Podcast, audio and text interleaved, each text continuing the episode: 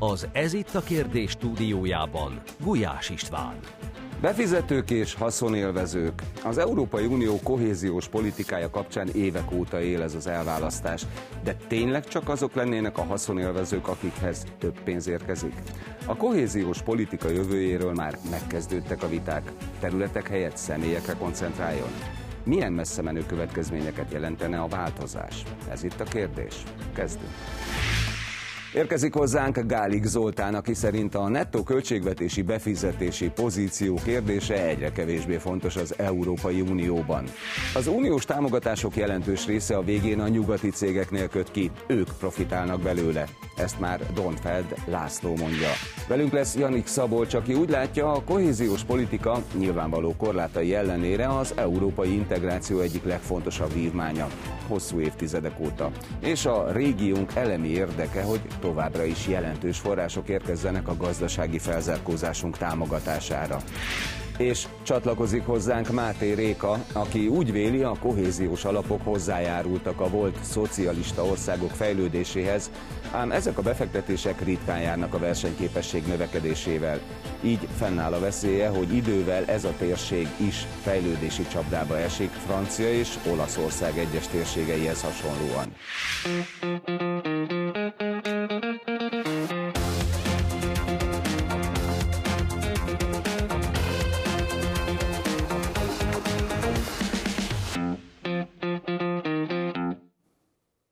Jó estét kívánok, üdvözlöm a nézőket, és köszöntöm stúdiónk vendégeit, szervusztok, köszönöm, hogy eljöttetek. Akkor, amikor lezárult a hidegháború, megtörtént a rendszerváltoztatás, rendszerváltás, és ugye a közép-európai, kelet-európai államok csatlakozási tárgyalásai megindultak, akkor nem csupán a politikai emancipáció volt a cél, hanem egy gazdasági emancipáció is, egy gazdasági integráció ebben a térségben. Ehhez találták ki a fárpénzeket, aztán pedig a kohéziós alapokat, miután csatlakoztak. Mi az oka annak, kezdjük Réka veled, és mindenkihez szól a kérdés, szerintetek, hogy most a kohéziós alapok közül, körül kialakult egy vita, hogy ez továbbra is területi alapon, vagy pedig szociális alapon menjen? A kohéziós alapoknak és ennek az egész regionális fejlesztés és kohéziós politikáknak már több évtizedes tapasztalata van, és több évtizede zajlik az Európai Unióban, és az úgynevezett egyelőre, most ezt a fogalmat használom, nettó befizető tagállamok, és azt tapasztalták, hogy bizonyos régióik megálltak a fejlettségben, úgynevezett fejlődési csapdába kerültek, ezzel szemben a volt szocialista országok, akik felzárkóztatására elsősorban irányult ez az egész kohéziós alap, tehát a nagy regionális fejlesztés és kohéziós politika egy része, azok viszont eltérő ütemben, de nagyon lényegesen fejlődtek. Különösen, hogyha a bruttó hazai termékeket nézzük.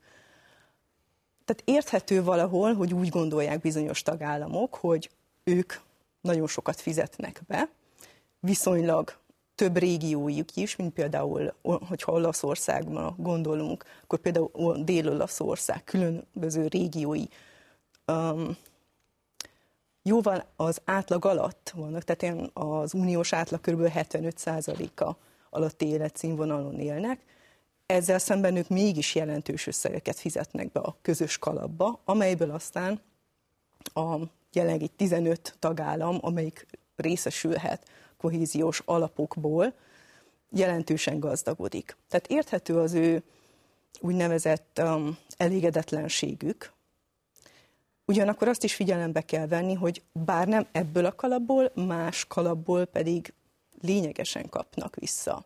És erről talán később fogunk beszélni. Tehát ezért is alakult ki, hogy ne terület, tehát alakult ki a, a politikai vitában, illetve különböző szakértői körökben egy olyan meglátás, hogy hát ne területi alapon, tehát ne a volt szocialista országok, illetve még néhány olyan ország, például Görögország vagy Portugália kaphasson ezekből az alapokból, amelyek tényleg le vannak maradva, hiszen nekik saját maguknak is, tehát a nettó, úgynevezett nettó befizető tagállamoknak is vannak olyan területeik, amelyekre szükségük van ezeknek az alapoknak. Talán az egy másik beszélgetés része lenne, hogy úgy általában a kohéziós alapok miért működnek jól, és miért nem működnek jól, mi az az erősségük és mi az a hátrányuk. De ezek a különbségek miatt egyre felerősödtek azok a hangok, amelyek azt szorgalmazzák, hogy ne területi alapon osszuk el ezeket a különböző alapokat, hanem sokkal inkább a személyes a jövedelmet vegyük figyelembe, a szociális hát, um, helyzetet vegyük figyelembe, és itt nagyon lényeges szerepe van a 2015 körüli migrációs válságnak. Így van. Zoltán? Én egy másik álláspontból próbálnám meg ezt az egészet kifejteni mindennel egyetértek, ami így elhangzott, de ugye én abból indulnék ki, hogy van egy, egy kincsünk, ez a közös piac, amit az európai integráció most már lassan 60 éve épít, ennek a közös piacnak vagyunk mi is a tagjai, lesznek még országok a tagjai, csatlakoztak hozzá folyamatosan különböző országok, e, és ahhoz, hogy ezen a közös piacon hatékonyan tudjunk együttműködni, ahhoz, hogy meg tudjunk indulni a fejlődés útján, amikor mi csatlakozunk, vagy a többiek majd föl tudjanak zárkozni, és ezért hatékonyan működjön a közös piac. Ezért kell mindenféle olyan politikát kialakítani, ami segíti a felzárkózást, segíti a kohéziót, és egyszerűvé teszi nem csak a szabályokat, hanem valóban a transfereknek az eljutatásán keresztül a felzárkózást. Ugye ezt az európai integráció 70-es években kezdi meg nagyon intenzíven, amikor a regionális politikával, ugye a brit elmaradott területek, vagy akár később ugye Írországnak a, a különböző régiói kapnak ilyen kohéziós pénzeket, utána következik majd Görögország, Spanyolország, Portugália, hát az északi országok ugye amikor csatlakoznak 95-ben ők nem nagyon szorultak erre rá, viszont utána a tíz ország az szinte mindegyike ezekre az úgynevezett kohéziós pénzekre már pályázhat, és ugye most is vannak olyan országok, Románia, Bulgária, Horvátország, akik csatlakoztak később, és a csatlakozási folyamatban is nyílnak meg ilyen források. Az a kérdés tehát, hogy amikor mi csatlakozunk, illetve a többiek csatlakoznak, és amikor a jövőjét próbáljuk ennek az egész folyamatnak megtalálni, akkor hogy lehet ezt továbbiakban hatékonyan működtetni? És itt nagyon kell vigyázni, ugye, és ez nagyon messzire vezet majd, de hát remélem, hogy lesz rá időnk, hogy erről beszélgessünk. Ugye, ha, ha igazán jól működne az európai integráció, akkor valamiféle fiskális transferunió felé mennénk, mint ami egyébként létezik az Egyesült Királyságban, Németországban, Amerikai Egyesült Államokban, de nagyon kell vigyázni, hogy itt valóban akarunk-e feltételeket, vagy pedig e, ezek olyan e, kőbevésett szabályok lennének, amiket azért lehet változtatni, de nem e, a napi szinten valakinek a kénye kedve szerint lehet ezeket mozgatni.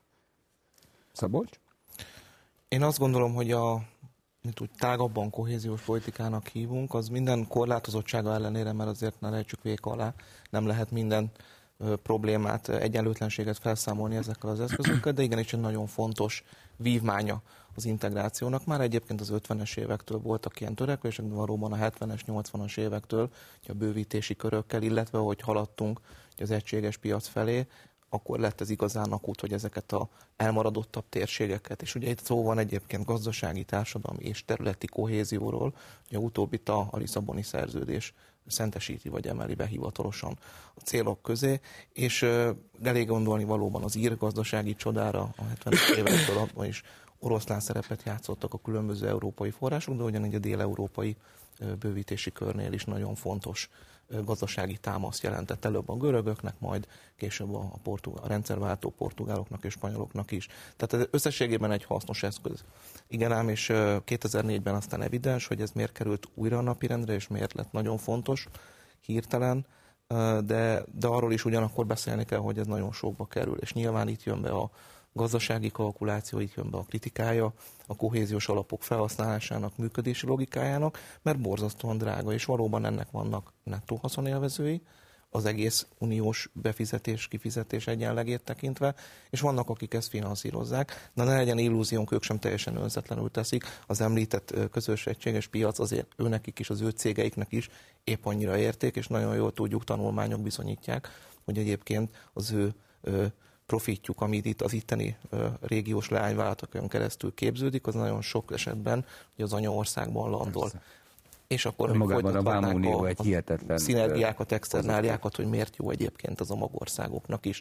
De kétségkívül, ha megnézzük a 21-27-es költségvetési szezont, ez közel 400 milliárd eurót szán az Európai Unió és a tagállamok ugye kohéziós célokra. Ez borzasztó nagy összeg. László, közben a nézők látják, hogy kik a nettó befizetők, illetve a nettó haszonélvezők. Igen, ugye elhangzott itt a migráció, mint az egyik kihívás, amely átrajzolhatja azt, hogy hogyan is tekintünk ezekre a fejlesztési pénzekre. Én egy másik tényezőt hoznék bele, ami 2022 óta téma, ez Ukrajna csatlakozása. Mert hogy a jelenlegi feltételek mellett, ha komolyan gondolja az Európai Unió, hogy fel szeretné venni Ukrajnát az európai integrációba, és ténylegesen szeretné a közös piachoz, hogy hozzácsatlakozzon, hogy abban részt vegyen, akkor látni kell a jelenlegi feltételek mellett eléggé valószínű, hogy még Bulgária is nettó befizető országá válná, mert hogy olyan szinten lenyomná az átlagot, amihez képes számolják azt, hogy ki az, aki támogatást kaphat, és ki az, aki azt csak befizeti, hogy gyakorlatilag az egész Európai Unió nettó befizetővé válna, és Ukrajna lenne egyetlen egy haszonélvezője ennek az egész rendszernek.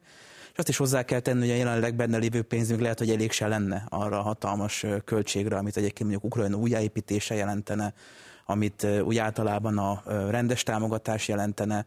Vannak erre különféle számítások, nagyon nagy a szórások is nyilván. Ezek a számítások attól is függnek, hogy ki mennyire áll annak a pártján, hogy Ukrajnát rövid úton beengedjük az Európai Unióba. Akik inkább szeretnék bent látni, azok nyilván ezeket a számokat nagyon alullövik, akik pedig kevésbé elégedettek egy ilyen megoldással, azok pedig felüllövik, tehát ebben nehéz pontosan tájékozódni, de egyértelmű, hogy a, annak is köszönhető a mostani vita, ami kezd újra előkerülni, hogy ez egy reális veszély lehet ezekre az országokra nézve, és szemben mondjuk ezzel a keleti régióval, amiben mi is tartozunk, és ami 2004-ben csatlakozott majdnem egységesen, itt egészen más viszonyok vannak, hiszen azt láthattuk, hogy amikor ez a régió csatlakozott az Európai Unióhoz, akkor azért volt egy olyan piac, amire nem nagyon törtek be a nemzetközi vállalatok, ezt az Európai Unió és az európai cégek tudták kihasználni, és nyilván ennek is köszönhető az, hogy olyan megállapodás született, hogy a nettó befizetők azok pénzt adnak át, azért cserébe, hogy mi lebontunk bizonyos iparágakat, illetve nyilvánvalóan bizonyos védelmeket megszüntetünk jogszabályi úton. Most ehhez képest Ukrajnát már leuralta e, ez a nemzetközi lobby. Tudjuk, hogy hatalmas földterületeket birtokolnak, tudjuk, hogy a keresőképes lakosság az már elmenekült nagy részt onnan. Tehát egyértelmű, hogy egyébként gazdasági szempontból szerintem az egész ukrán kérdés ez egy nagyon rossz fényt vet erre a témára egyébként. Mennyire reális egyébként? Tehát azért tudjuk, hogy Szerbiának sem sikerült, ráadásul még eddig. Törökországnak évtizedek óta megy. Tehát ráadásul egy háborús konfliktusban lévő országról van szó. Mennyire reális, hogy egyáltalán valóban belátható időn belül, vagy mondjuk négy-öt éven belül megtörténik ez a fajta csatlakozása Ukrajnának? Hát, Szinte. Most ugye, hogyha megnézzük a helyzetet, hát nagyon valószínűtlen, hogy ez Persze. lezajlódik. Ugye én inkább évtizedes, de hát nem is tudjuk, mikor lesz vége ennek a konfliktusnak. Ugye, török típusú akkor lesz lehet rajta. Az a kérdés, és ugye itt az Európai Uniónak a jövőjével kapcsolatban is fölmerült ez, hogy egyrészt magát a csatlakozási folyamatot mennyire alakítja át menet közben az Európai Unió, ugye mennyire fog nyitni alapokat, nyitni bizonyos politika területeket, bizonyos forrásokat, transfereket Ukrajna felé, és egy ilyen kvázi tagság tagságféleséget ajánlana, ami nem teljes jogú tagság, mennyit követel majd form, ezért cserébe, ugye a különböző jogharmonizációban, a különböző szabályoknak a bevezetésében, illetve hosszú távon pedig, hogy egyáltalán a, az Európai Unió milyen formában fog majd tovább működni. Ugye tudjuk, hogy most is van egy nagy politikai ernyő, ez az Európai Politikai Közösség, amin keresztül tulajdonképpen egy második ernyőt vont maga köré az Európai Unió, és hogy ezen keresztül keresztül elgondolkodik az Unió, hogy esetleg egy, eh, ha nem is másodlagos tagsági viszony, de valamiféle eh, állandóbb tagsági viszonyt eh, azoknak az országoknak ad, akik közelednek felé, de nem tudják teljesíteni a kritériumokat. Az előbb említetted, Réka, hogy azért 2015 jelentősen benne van ebben a projektben. Olyan szempontból, hogy azért itt van az önhibából elkövetett szociális válság bizonyos országok esetében. És ez is benne lehet abban, ami miatt most erőteljesen följött ez a gondolat. Önhibából elkövetett válság? Hát olyan értelemben, hogy willkommen. Például Németország esetében. Mm, nem biztos, hogy ezt ők úgy értékelték annak idején, hogy hiba, és nem biztos, hogy most is mindenki úgy értékeli, hogy ez hiba. Mi úgy látjuk, hogy az. Jó, akkor ne, ne, ne a mi szempontunkat nézzük, a, a német átlapolgának a szempontjait nézzük. Aki most határozottan érzi, hogy neki ez mind kulturális antropológiai szempontból, mind szociológiai szempontból, mind pedig pénzügyi szempontból problémát okoz. És ez látszik mondjuk a választási eredményeken Németországban. Igen, ez, ez valóban látszik. Tehát az, hogy a német átlag szavazó úgy érzi, meg, úgy érzi, hogy ez valószínűleg egy rossz döntés volt, szerintem ez egy lényeges szempont. Nem vagyok arról meggyőződve, hogy a politikai vezetés is úgy látja, és látta, hogy ez, ez rossz döntés, és hogy most is látja-e. Um, nyilván egyre inkább kezdik látni a, az akkori és a még megmaradt a döntéshozók, hogy, egy, hogy sokkal nehezebb integrálni ezeket a népcsoportokat, mint ahogy azt ők eredetileg gondolták, és hogy egyre inkább növekedik a szakadék a felzárkóztatott, illetve a kevésbé felzárkóztatott um, egyének között. Tehát vannak olyanok, akik tényleg magas képzettséggel jöttek, tényleg dolgozni akarnak és tudnak, és nagyon-nagyon nagy számmal vannak olyanok, akik bejöttek, és nyelvet nem akarják megtanulni, a, nem igazán tudnak, és nem is igazán akarnak integrálódni, illetve hát még ott vannak, és nem kifejezetten csak Németországról beszélve, hanem a többedik generációs bevándorlók, akiknek aztán különböző identitásválságuk is van, ami miatt egy másik biztonságpolitikai probléma is felmerül, gondolva a radikalizáció lehetőségére. Tehát nyilvánvaló, hogy ezzel valamit tenni kell, um, ez viszont felvezet, felveti azt a kérdést, hogy rendben, annak idején született egy döntés, amelyet mi annak idején elleneztünk, és ezért mindenfélét megkaptunk, mi, mint Magyarország. Um, most akkor ennek mi látjuk, mi isszuk meg a levét? Tehát, hogy hát, nagyon úgy tűnik. kerülnek ezek a források, amelyek ugye területi alapon voltak szétosztva, azért, hogy felszabaduljanak más irányba. Nyilván Magyarországnak is érdeke az, hogy a német gazdaság, vagy a, a vezető, úgynevezett nettó befizető államok gazdasága jól működjön, és hogy ne legyenek hatalmas társadalmi szakadékok, amelyek aztán különböző biztonságpolitikai, stb. problémákhoz vezethetnek. Tehát nekünk is van abban érdekünk, hogy társadalmi felzárkóztatás ott is történjen, illetve itthon is történhet, teljesen más területeken, teljesen más antropológiai és szociológiai okok miatt. Tehát, hogyha valamilyen szinten bevezetjük a szociális és hát talán egyéni alapú támogatást, az én úgy látom, hogy mindenkinek javát fogja használni, akkor, hogyha a területit is meg tudjuk tartani, és ezeket finom hangolni lehet. Egyetlen egy gondolatot ide megengedtek, csak ugye pont ehhez kapcsolódik, ugye az látszik, hogy Németországban is, Franciaországban is, déli periférián is, hogy a belső kohéziónak a kérdése az fölmelült az utóbbi időben nagyon erőteljesen, és ugye ezzel kapcsolatban az Európai Unió maga is kezd lépni, hiszen ugye tudjuk, hogy a kohéziós forrásokhoz való hozzáférésnek a 90%-os kritérium volt a, a küszöbe nagyon sokáig, azt kellett elérni ugye azt az átlagos fejlettségi szintet, most már 100% is lehet, tehát ugye pont ezek az országok saját maguknak is vissza visszacsorgatnak a közös pénzekből. Ugye ezért kell nagyon résen lenni, hogy 2014-ben ugye résen voltunk, amikor a kohéziós forrásokat próbálták csökkenteni az európai közös, közös költségvetésbe. Most is vannak ilyen tendenciák, úgyhogy kell koalíciót képeznünk, és menni kell többiekkel előre, hogy ezeket a tendenciákat azért a saját javunkra is tudjuk fenntartani. Szabolcs? A migráció... bologattál nagyon.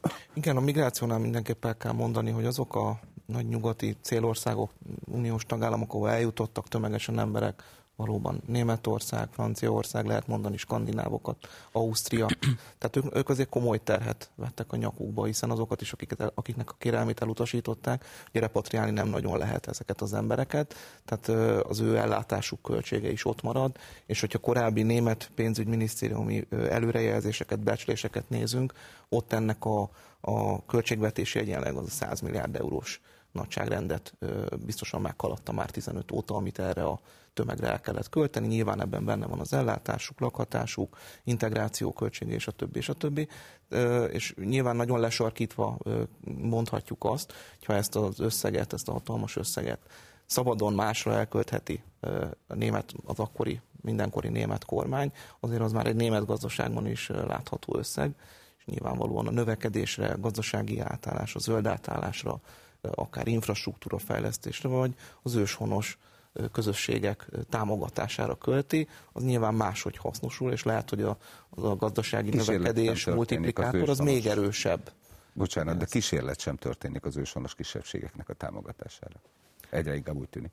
Hát, vagy adott esetben egy ilyen változtatás a kohéziós politikában azért az jól jöhetne mondjuk a német vidéki lakosságnak, aki azért fejlettségben, életminőségben azért sokszor azért kullog a német nagyvárosok, centrum régiók mögött. Föl is Tehát van teendő, a hangját a van teendő ezekben az országokban is.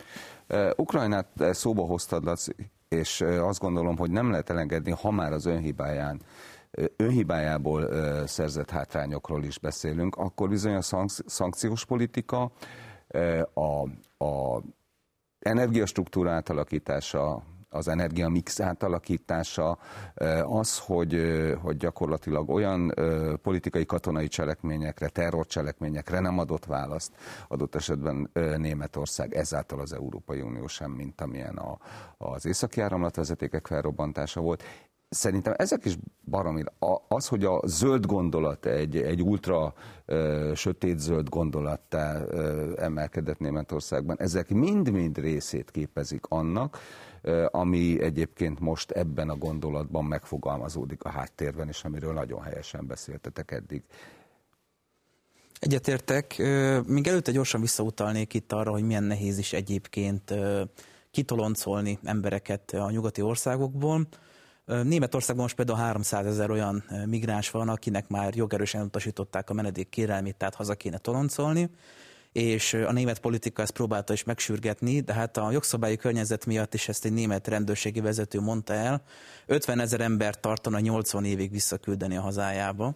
Tehát ilyen lehetetlen időhorizonton belül sikerülne minimális embert hazaküldeni.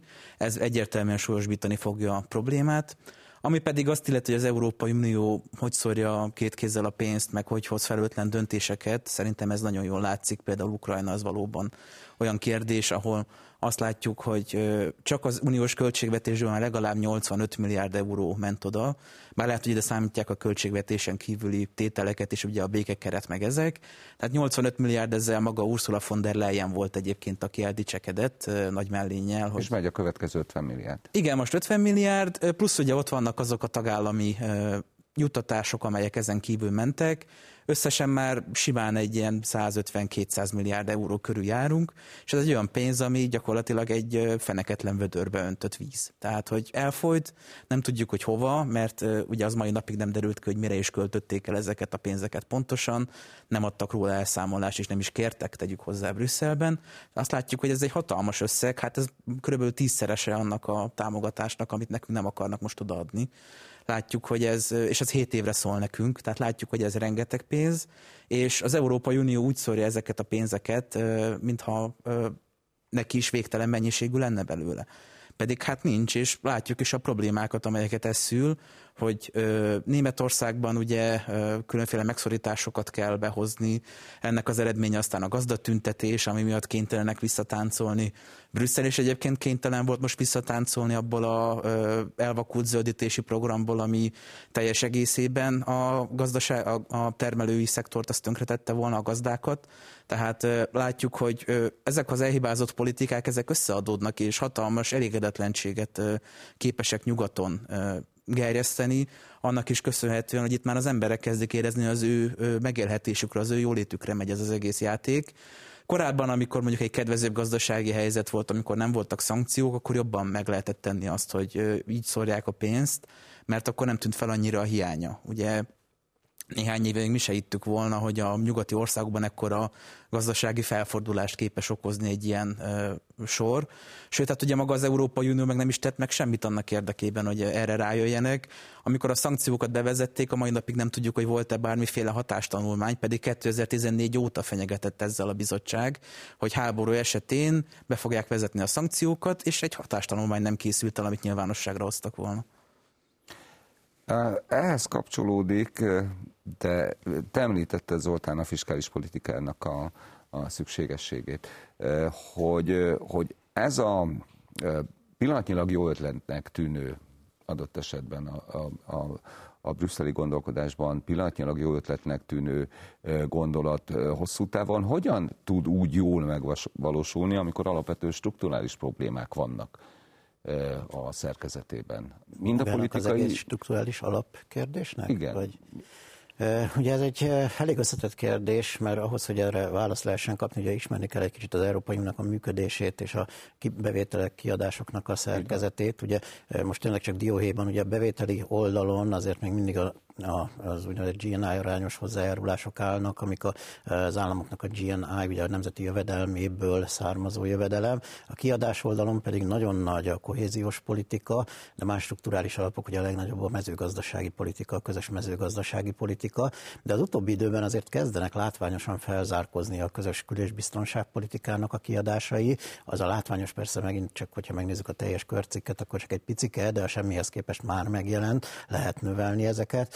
Az Európai Unió adósságot generált magának, ugye volt a, a, a, a úgynevezett stabilitási alap már 2011-től, van a, az új ugye Next Gen Europe, amit működtet, most ugye Ukrajnának a segélynek az 50 milliárdból 33 milliárd szintén hitelfelvételből valósulna meg, tehát egy egész gazdasági kormányzási rendszer kezd kialakulni az Európai Unióban, és ennek a folyamánya lesz az, hogyha most új Európai Parlament lesz, és elkezdünk gondolkodni a következő időszakról, szól, akkor pontosan milyen formában fogjuk ezt megtenni. Tehát itt lesz egy nagy lehetőség arra, hogy ezek a gondolatok átgondolásra kerüljenek, főleg, hogyha az Európai Parlamentnek is más lesz az összetétele, és más kompromisszumokat, alkukat kell majd megkötni. Látod benne a racionalitást ezekben a dolgokban, amik most fölmerülnek? Nyilvánvalóan egyébként a közös biztonságpolitikai alap az valóban egy nagyon fontos, tehát az egyik alapja lehet annak, hogy Európa vagy az Európai Unió valamelyes függetlenségét megőrizze a világrenden belül, mondjuk az Egyesült Államokkal szemben. De, de azért itt, itt úgy látom, hogy azért sokkal mélyebb strukturális és ideológiai problémák vannak, mint sem, hogy egyetlen egy húzással, egyetlen egy tolvonással, vagy egyetlen egy európai parlamenti választással meg lehetne ezt Nem is ezt mondom, én inkább azt mondom, hogy ugye olyan tendenciák történnek, olyan válságok voltak, volt ugye a, a szuverén adósságválság 2000 9-14 között, de még mindig nyögjük.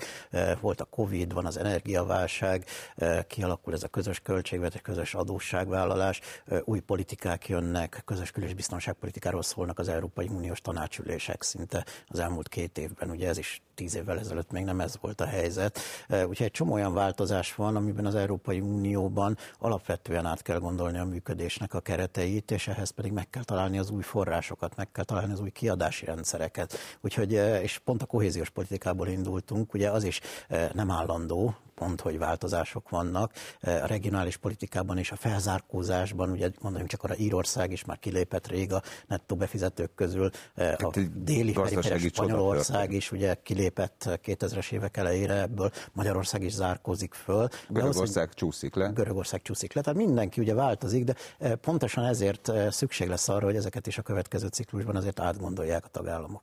Meg lesz erre a politikai akarat? Meg a megfelelő összetétele adott esetben az Európai Unió parlamentjének és bizottságának? Kérdezem tőletek. Mondjuk Szabolcs. Én azt gondolom, hogy az EP az fontos szerep, és egyre fontosabb, ha nézzük az integráció történetet, meg az elmúlt évtizedeket, de nyilván nem kizárólagos. Tehát azért a tanács nagyon sok tekintetben az állam és kormányfők kettőmörítő nagy tanács magának vindikálja azt a lehetőséget, hogy ezeket az irányokat, általános irányokat megszabja az Unió egészének. Nyilvánvalóan ott pedig a mindenkori nemzeti kormányoknak megfelelő ö, ö, csapat áll fel. Elképzelhető, hogy általános irányvonalakban lehet majd megállapodás ilyeneket kijelölni. Nyilván a, az Európai Parlamentárs jogalkotóként kelleni fog ehhez. Itt már bejön az, hogy mi lesz 24 júniusában és hát nyilván a bizottság, hogy ő meg milyen szerepfelfogásban fog menni. Az elmúlt egy-két bizottság azért egy sokkal politikaibb, konfrontatívabb érték, saját érték alapú világa alapján mozgó testületként kezdeményezte az uniós gépezetben a jogalkotást.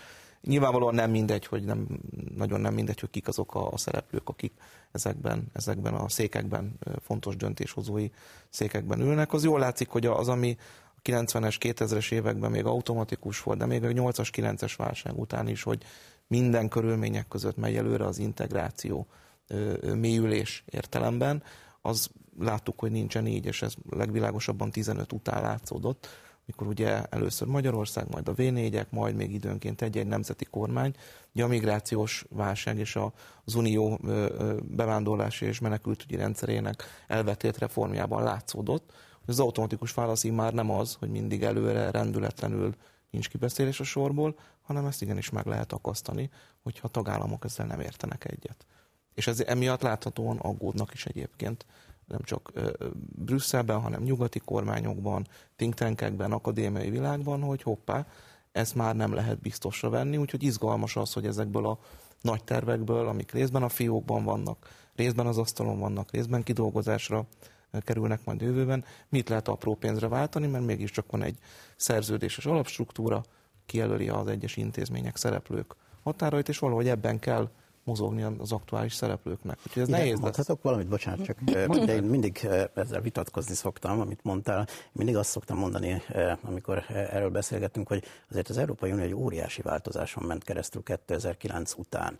Ugyanis véget ért ez a szerződés központú korszaka az integrációnak. Ugye sokszor szoktuk azt mondani, hogy van egy lopakodó integráció, ami szerződésmódosítás nélkül tud előre menni, és azért a gazdasági kormányzásnak a kérdéseiben szerződésmódosítás nélkül történt rengeteg minden, van stabilitási alapja az Európai Uniónak, bár igaz, hogy nemzetközi intézmény és kívül van a szerkezeten, de mégis az Európai Unió tagjai azok, akik benne vannak, e, megvan a bankhatóság, a bankuniónak a programja, tudjuk, hogy problémák vannak benne. E, új költségvetési fejezetek vannak, közös adóssága van, ehhez kell egy gazdasági kormányzat. És az, tehát, hogy közös adóssága van az EU? Most ez más kérdés, csak hogy van, tehát hogy van, azt arról lehet vitatkozni, és ugye ez egy nagyon érdekes kérdés, de van, megvalósult. Ugye ez a szentehén nem lehetett ehhez hozzányúlni nagyon sokáig, most meg már két-három alap is van. Tehát vigyázni kell azzal, hogy azt mondjuk, hogy szerződéses keretek és változatlan, mert nem, most már Igen, nem ez működik. Csak... És egy utolsó gondolat, és utána mondhatod is, csak hogy e, ugye van a, a, az megerősített együttműködésre lehetőség, amivel szintén tudnak tudnak előre menni országok. Ugye korábban opt-out rendszer volt, és lehetett gátolni bizonyos országoknak, hogy most már ugye a többiek tudnak előre menni. Ez egy csomó finom hangulás volt, vagy még egy a szavazási rendszer, ugye a minősített többségi szavazási rendszer. Lisszabon 40 új területet hozott el, a maradékon is vannak előre törő gondolatok, ugye itt a külpolitika területén, tehát vigyázni kell, hogy azért nem úgy működik már az integráció, hogy 40 évig Na, De ez itt a kérdés, hogy vajon ez a jó iránya? Én nem vagyok arról meggyőződve, hogy ebben egyetértés fog valaha is születni az Európai Unió vezetői, átlagpolgárai. Szerintem még ennél az asztalnál sem. Nagyon lehetséges. Um, azért más kérdés, hogy, hogy úgy a többség mit gondol, és más kérdés az, hogy Magyarországnak mi a jó. Um, én nem vagyok arról meggyőződve, hogyha kialakulna egy ilyen szuper föderális állam mindenféle fiskális transfer lehetőségével, akkor az abból nyilván Magyarország is nyerhetne, de nem vagyok arról meggyőződve, hogy az Magyarországnak jó lenne. Már csak azért is, mert hogyha megnézzünk egy föderális államot úgy átlagban, ott azoknak a föderális államoknak a vezetői többnyire egy ilyen végrehajtói menedzseri szerepben vannak, és a saját helyi érdekeiket kevésbé tudják képviselni. Tehát minden alárendelődik a nagy supranacionális vagy föderális érdeknek. És én aggódom amiatt, hogy Magyarország érdekei ugyanúgy háttérbe szorulnának. Szabadság. Csak reagálva erre, igen, tehát az alapakodó jogalkotás kétségkül és a gazdasági integrálódás a legjobb példa rá, de a migrációban talán azt úgy jól dekódoltam, hogy ott még szerződésen kívüli integráció sem sikerült nagyon előre lökni, mert ez, ez nem sikerült konszenzus teremteni, tehát ott a megerősített együttműködés. Lehetett olyanról hallani, hogy Schengen tanács, én azóta nem is olvastam erről az ötletről, ettől függetlenül még lehet, hogy működik. Tehát, tehát az, a, az a optimista lendület, az nem, nem tud már automatikusan elsősorban szerződéses keretek között, de a differenciálódás az kétségkívül persze zajlik szakpolitikánként, különböző országok vagy tagállamok bevonásával. Még ez sem biztos, hogy igaz, egy csomó közös politikában részt vesznek nem uniós tagállamok. Ugye Schengen az egyik legjobb példa, vagy a közös piac, és a többi, és a többi. Tehát itt ilyen széttartó dolgokat látunk, akár koncentrikus körökbe belerendezve, többsebességes, ugye ismerjük ezeket a dolgokat. Ez egyfelől jó, mert engedi az integrációt valami úton, módon mégiscsak haladgatni, Másfelől viszont ott van a leszakadás és a szétszakadás veszélye, és ettől sokan félnek is. Nem lehet, hogy az történik, pont arra ö, reagálva, amit mondtál, hogy, hogy az Európai Unió fejlődése részben a válságoknak köszönhetően, és itt lehetne ö, sorolni ö, akár a már a, a BlackBerry botránytól kezdve, a dízelválságtól, a 15-ös migrációs válság, a, a, a szankciós válság, az ukrajnai háború, a balkáni bővítés megakadása, a török bővítésnek a, a gyakorlatilag lehetetlenné tétele, hogy ezáltal az Európai Unió elérte fejlődésének a korlátait, és rossz irányba mozdul ezekkel a általad lopakodónak, meg sokak által lopakodónak nevezett jogalkotással, Laci? Ha már itt előkerült, hogy hogyan fejlődik az integráció, én bedobnám azt a elképzelést is, hogy az integráció korábbi szakaszát a tagállamok közötti megállapodások dominálták, tehát bizonyos hatásköröket átadtak az EU-nak, a brüsszeli bürokráciának, amely aztán a tagállami érdekek szerint működtette az egész nagy szervezetrendszert. Most már azt látjuk, hogy gyakorlatilag a Juncker bizottság óta a Brüsszel egy önálló hatalmi központtá vált és már nem a tagállamoknak felel meg, hanem gyakorlatilag saját politikai agendával rendelkezik, saját célkitűzésekkel. Rendelkezik? Rendelkezik. Van, vannak elképzelései, persze. Hát az Ursula von der Leyen is úgy érkezett ide, hogy... Autonóm majd... politikával és agendával rendelkezik, vagy valakinek alárendelt? Külsőleg egyértelmű, hogy szerintem ez már önállóan jelenik meg, hogy emögött milyen érdekcsoportok, vagy milyen érdekek bújnak meg. Az Európai érdekek bújnak meg, vagy tengeren túli érdekek? Kérdezem tovább, tehát én vagyok az ördög ügyvédje ebben az ügyben. Szerintem az amerikai érdekek nagyon sok esetben megállapíthatók, tehát látszik, hogy sok esetben a, nem az európai érdek az, ami a bizottság döntéseit dominálja. A legjobb példa szerintem a zöldítésben az, hogy 2035-től kezdődően elektromos autózásra akarnak teljesen átállni. Ez teljesen rossz az európai autóiparnak, amely nem erre van berendezkedve, és cserébe mondjuk tálcán átnyújtja az egész európai autóipari piacot a kínaiaknak, amelyek, akik pedig már nagyon nagy erőfeszítés és energiát öltek bele abba, hogy ezt a technológiát fejleszék és olcsó áron elérhetővé tegyék. Tehát itt most ugye speciál pont nem az amerikai érdekről van szó, de sok esetben mondjuk az Ukrajna pénzelése az szerintem egy jóval nagyobb amerikai érdek, mint hogy az európai érdek inkább az lenne, hogy valamiféle gyors és békés lezárást keresünk a konfliktusnak, nem pedig azt mondani, hogy addig pénzeljük őket és fizetünk, mint a katonatiszt, amíg tart a háború. Ugye az európai ö, bürokrácia részéről csak ilyen kijelentéseket hallhattunk 2022. februárja óta. Tehát, hogy fel sem merült annak a lehetősége, hogy a valódi európai érdeket szem előtt tartva inkább a békére ösztönözzük ezeket az államokat, hanem ö, teljes egészében alárendelték magukat annak a atlantista narratívának, hogy le kell győzni katonai szintéren Oroszországot. Tehát én azt látom, hogy Brüsszel az olyan szempontból mindenképpen álló hatalmi aktor, hogy már nem, kötő, nem kötő őt a tagállamoknak a akarata. Sokszor látszik az, hogy a tagállamok még elhiszik, hogy ők irányítják a folyamatokat, és úgy gondolják, hogy rajta tartják a kezüket az ütőerén annak, hogy mi zajlik Brüsszelben, de azt látjuk, hogy a kormányok erő, egyre erőtlenebbé válnak a különféle válságok eredményeként, folyamatos kormányválságba kerülnek, ugye mondjuk Németországban a német politika nem találja a helyét Angela Merkel visszavonulása óta, akik előtte dominálták az európai politikát a németek, hát gyakorlatilag futnak az események után, és kapkodják a fejüket, hogy mi történik körülöttük.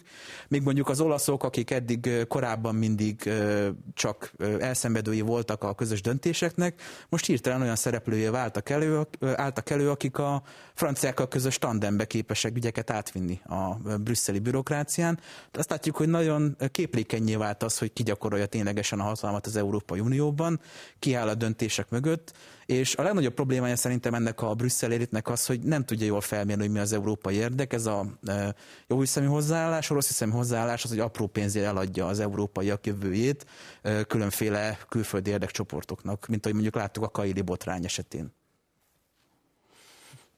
Ugye egy dologhoz szeretnék rögtön az elején hozzászólni, hogy nem dönt a bizottság, hiszen döntési pozíciója nincs, de előkészít, és még mindig a tagállamok döntenek, de hát ne legyünk naívak, ugye erről talán beszéltünk máskor is, hogy azért az Európai Unió mögött a nagyhatalmak állnak, és az ő befolyásuk az, ami meghatározza azt, hogy mi is történik, és itt pedig ugye a Brexit óta megnőtt Franciaországnak, Németországnak, Olaszországnak, Spanyolországnak, és még talán Lengyelországot is ide lehet helyezni a befolyása. Ugye Németország országnak, ha jól emlékszem, kb. 18%-os befolyási része van az európai szavazási rendszerben, együtt Franciaországgal és még egy nagy állammal szinte már mindent meg tud a minősített többségben is hozni, illetve nagyon nagy a blokkoló kisebbségük, ugye szinte két ország, két nagy ország mindent meg tud, meg tud blokkolni. Tehát azért abban sem lehetünk naívak, hogy itt csak a, a, a bizottságtól jönnek a döntések, itt azért nagyon keményen van egy nagy hatalmi befolyás az Európai Uniónak a, a jövőjét tekintve. És hát az a kérdés, hogy a, a, az elkövetkezendő időszakban, hogyha átalakul az európai integráció valamilyen irányban, akkor hogy fognak ezek a hatalmi központok egymáshoz viszonyulni? A parlament ugye egyre több jogkört szeretne magának, ez így van 1979 óta, egyre több területen van blokkoló helyzetben, ugye az a rendszer, ami működik az Európai Unióban, egyre nehezebben tud néha intézményi kompromisszumokat kialakítani, és hát az utolsó gondolat ugye ehhez, hogy ha megy előre az európai integráció, akkor a, a tanácsnak a, a szerepe az megkérdőjelezhetetlen a továbbiakban is, ugye erre szinte mint egy amerikai szenátusra vigyázni kell a kisebb államoknak, a közepes államoknak, mint amik mi vagyunk, ez, hogy ezzel szemben ne tudjunk. Ugye, így van, nyilvánvaló. Így van. És akkor menjünk vissza a kiinduló ponthoz, mert nagyon elkalandoztunk már itt a világpolitika irányába. Tényleg igaz az, hogy, hogy vannak befizető és haszonélvező államok, és kizárólagos befizető és kizárólagos haszonélvező államok, és ezek a haszonélvező államok egyébként nem tesznek hozzá ahhoz a, az európai gazdasági teljesítményhez, adott esetben nagyobb részben, vagy mondjuk a befizető államok gazdasági teljesítményéhez nem tesznek hozzá nagyobb részben, mint amennyit kaptak. Itt már korábban utaltak a beszélgető társaim ezekre, tehát én első körben most így csak összefoglalnám, ami már itt elhangzott. Tehát nyilván azzal, hogy mi csatlakoztunk az Európai Unióhoz, és megnyitottuk a közös piac érdekében a mi saját piacainkat, illetve annak idején ugye egy csomó vállalatot privatizáltunk, stb. stb. Tehát ezáltal az úgynevezett nettó befizető államok, tehát Németország, Ausztria, Franciaország, Spanyolország, Olaszország jelentős piacokat nyertek. Egyrészt a saját um, termékeik exportjához, másrészt pedig jóval olcsóbb munkaerő, illetve beszállító cégektől, mint amit a saját uh, országbaikban találhattak volna. Ezért is alakulhatott ki az, hogy vannak ezekben az országokban ilyen leszakadt területek, régiók, amelyek részesülhetnek ezekben a kohéziós alapokban. Ugyanakkor meg pont azáltal, hogy itt um, megnyitottuk a piacainkat, azt hiszem pont Szabolcs mondta, ezáltal mi is egyfajta ilyen um, kockázatot vállaltunk, hiszen mi nyilván nem fogunk tudni 50 év kommunizmus vagy szocializmus után úgy fejlődni a gazdaság és innováció területén, mint azok az országok, amelyek rendelkezésére állt mindenféle um, olyan lehetőség, ami a versenyképességüket növeli. És jelenleg ugye az a politikai narratíva dominálja úgy a döntéshozás, mint a think mint a, az akadémia világát, hogy vannak nettó befizető, illetve nettó a haszonélvező államok, viszont ez nem ennyire egyszerű. Tehát, hogyha megnézzük, hogy mennyi haszon származik mondjuk Németország, Ausztria vagy, vagy mondjuk Franciaország számára abból, hogy itt ezek a piacok megnyíltak, akkor már nagyjából ugyanott vagyunk. Ráadásul, amiről kevesebbet beszélünk, ezek az úgynevezett kutatás, illetve fejlesztés számára megnyitott alap, ez a Horizon, amelyből a, a kelet-európai országok, tehát a kohézió barátai országai jóval kisebb arányban tudnak részesülni, mint azok az országok, amelyeket jelenleg nettó befizető országoknak nevezünk. Tehát azok az országok onnan is rengeteg pénzt kaphatnak, és az itteni egyetemek fejlődés, az itteni kutatásfejlesztés nem tud olyan, értém, olyan érdemben fejlődni, hogy hosszú távon is versenyképes lehessen. Ráadásul ideológiai alapon még be is Pontosan, pontosan. ezekbe a dolgokba. De akkor én mondok számokat. Az első olyan 7 éves költségvetési ciklus, amiben már a kelet-európai országok is teljes egészében benne voltak, 2007-2013 tehát az újonnan csatlakozott országok. Ebben az időszakban Németország a, a befizetéseinek a 150%-át realizálta, kapta vissza ezekből az országokból. Hollandia a 145%-át, Belgium a 114%-át, és mondok egy őrült dolgot, Ausztria, kisország, 331%-át. Három, több mint három szorosát. Tehát akkor ki a haszonélvező ebben a projektben? Tegyük föl még egyszer a kérdést. Nyilvánvalóan mi is haszonélvezői vagyunk, hiszen bekerültünk egy, emancipálódtunk politikailag egy nálunk fejlettebb, az akkori ország, Magyarországtól fejlettebb politikai struktúrába, megnyitotta előttünk piacait egy nálunk lényegesen fejlettebb gazdasági térség, viszont a mi piacainkon ez a lényegesen fejlettebb gazdasági térség extra profitot realizált. Tehát itt már a, a szavakkal is el, a szavakról is el kell gondolkodnunk.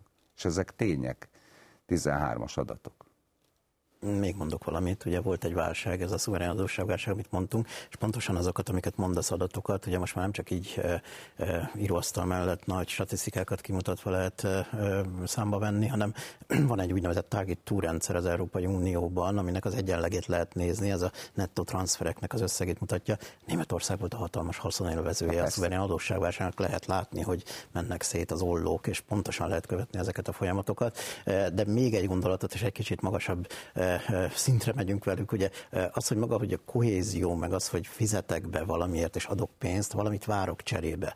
90-es évekig egyébként az európai integrációnak az alaplogikája az az volt, hogy Franciaország Németországot, Franciaországot finanszírozza Németország cserébe, hogy Németország szuverenitást kap vissza folyamatosan, szuverenitás elemeket, és intézményesül a szuverenitás Németország feje fölött, akinek nem voltak meg ezek a szuverenitás elemei.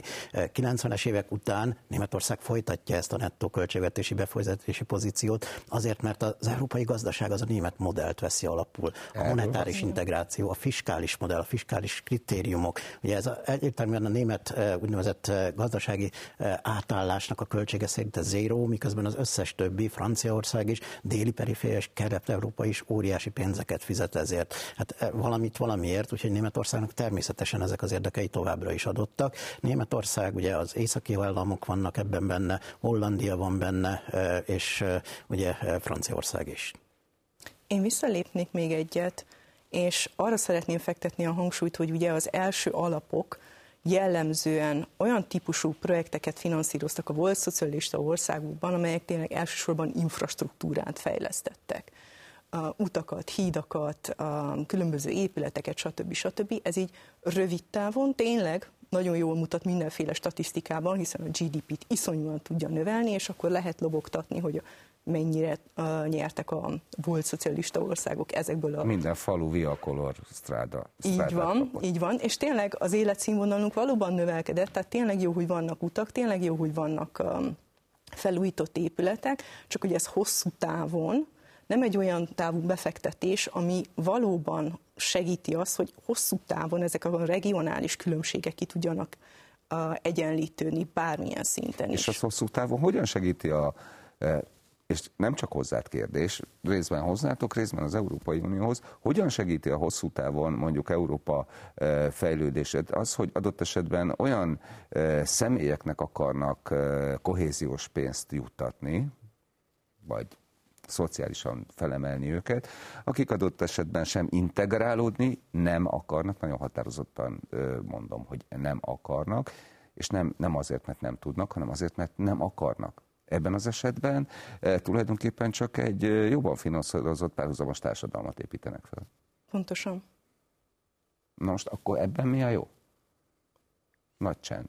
Szabolcs most a bevándorló közösségekre, akik meg legálisan maradhatnak. Jó, Leginkább az új, új bevándorlókra gondolok, mert azért eh, miközben a, a sokadik generációknál valóban vannak eh, olyan társadalmi krízisek, eh, meg szociális krízisek, amelyek problémát okoznak, de ezek a krízisek azért akkor váltak tömegessé és nagyjá, amikor az új bevándorlók megérkeztek, és hoztak magukkal egy nagyon határozott ideológiát. Nyilván itt ez a kedvezményezetti vagy a célközönség oldalt pedzegeted.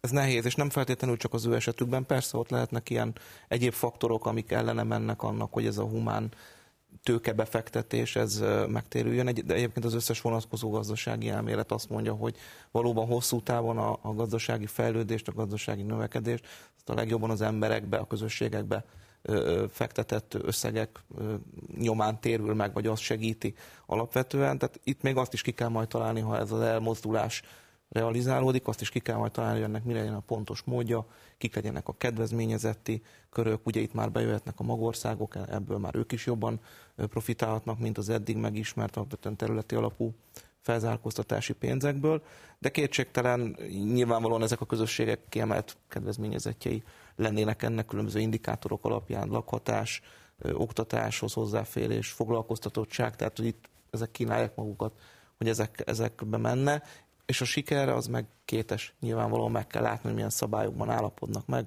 hogyan lehet felhasználni ezeket a pénzeket, ha ez lesz a forgatókönyv. Nekem erős kételjeim vannak, hogyha nem veszük figyelembe azt, hogy bizonyos térségekben egyre um, egyre élesebb a demográfiai krízis, egyre uh, idősebb lakosság um, dominál, akiknek a digitális készségei hát finoman szólva sem érik el az átlagot. Megkérdőjelezhető. Megkérdőjelezhető, igen. Akkor hogyan fog ez az egész működni? Nem csak a kohéziós alapok felhasználása szempontjából, hanem az egész Európai Uniós gazdaság szempontjából. Tehát ezért mondom, hogy szerintem lényeges az, hogy, hogy össze legyenek hangolva úgy a szociális szempont, mint a területi alapú felzárkóztatás, hiszen ebből Magyarország is nyer. Itt is nagyon sok olyan egyén van, aki különböző képzésekből, fejlesztésekből tudna részesülni, és hangsúlyozom, nem elég az, hogy kiépítjük a, a, az 5G-t, vagy a nagyon magasságú, nagyon gyors internetet, mert abból az egyének nem fognak tudni önmagukban profitálni. Köszönöm, hogy eljöttetek. Önök pedig az Ez itt a kérdés látták műsorunkat újra megnézhetik a mediaclick.hu-n, a YouTube-on, valamint meghallgathatják a Spotify-on. Politizálhatnak-e a színházak? Az ez itt a kérdés következő műsorában. Erre keressük a választ, tartsanak velünk holnap is. Én kollégáim nevében is köszönöm mai megtisztelő figyelmüket, viszontlátásra!